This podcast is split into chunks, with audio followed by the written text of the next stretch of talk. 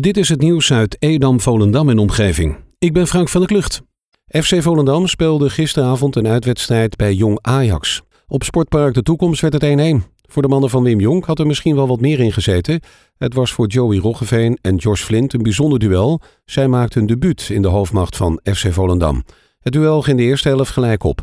De club uit Volendam was in de eerste 10 minuten de betere van het veldspel. Na een half uur kwamen de Volendammers op voorsprong door een doelpunt van Martijn Kaars. De mannen van Jong Ajax lieten snel weer van zich horen. Ze kwamen al snel op gelijke hoogte door Victor Jensen. Uit de maandcijfers van de GGD Zaanstreek Waterland blijkt dat net als een maand geleden in Zaanstad de meeste besmettingen plaatsvinden in de wijk Poelenburg en in de streek Waterland in Volendam. Dat meldt het NAD vandaag. Het gaat dan om de hoogste percentages afgezet tegen het aantal inwoners. Volendam zit op 1,83% en Poelenburg op 2,14%. Landelijk ligt dat percentage net 1%. Momenteel zijn graafmachines druk bezig om de grond gelijk te maken aan de Baandervesting in Edam. Zo'n 80 woningen zullen qua bouwstijl het historische karakter van de binnenstad verbinden met de vesting. De toekomstige toegang tot de wijk loopt aan het Marken, langs de plek waar nu nog even cafetaria Het Edammertje staat.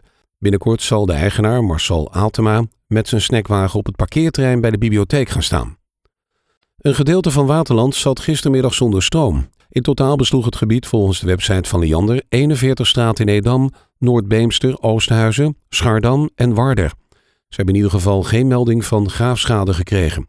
Waarschijnlijk ging het om een kabelstoring, waarbij een kabel mogelijk kortsluiting veroorzaakte. De storing was rond kwart voor zes verholpen.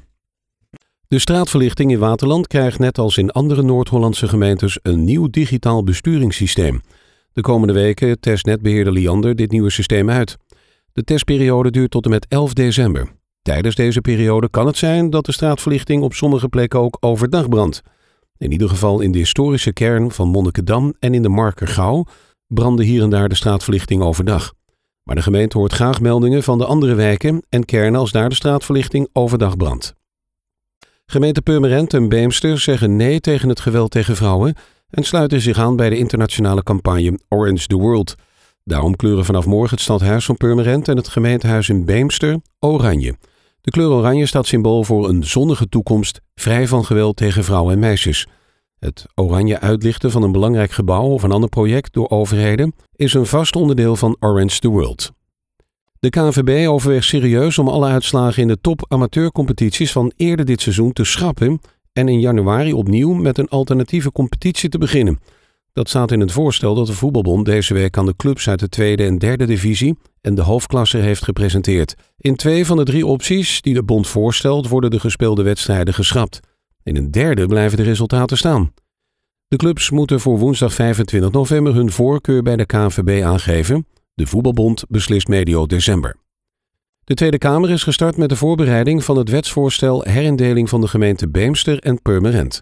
Betrokkenen en belangstellenden hebben tot uiterlijk 9 december de gelegenheid schriftelijk commentaar op het genoemde wetsvoorstel in te dienen. De vaste commissie van Binnenlandse Zaken in de Tweede Kamer, der Staten-Generaal, is begonnen met de schriftelijke voorbereiding van het wetsvoorstel en heeft daaraan ook bekendheid gegeven op de website van de Tweede Kamer. Het aantal boetes voor telefoongebruik achter het stuur is flink toegenomen. Dat blijkt uit een analyse van CEIB-cijfers door Local Focus. In de gemeente Edam-Volendam werden vorig jaar 161 boetes uitgedeeld voor het vasthouden van de telefoon. Daarmee werd in totaal 31.866 euro opgehaald. Het jaar daarvoor waren er nog maar 57 boetes. Tot zover het nieuws uit Edam, Volendam en omgeving. Meer lokaal nieuws vindt u op de Love Kabelkrant, onze website of in de app.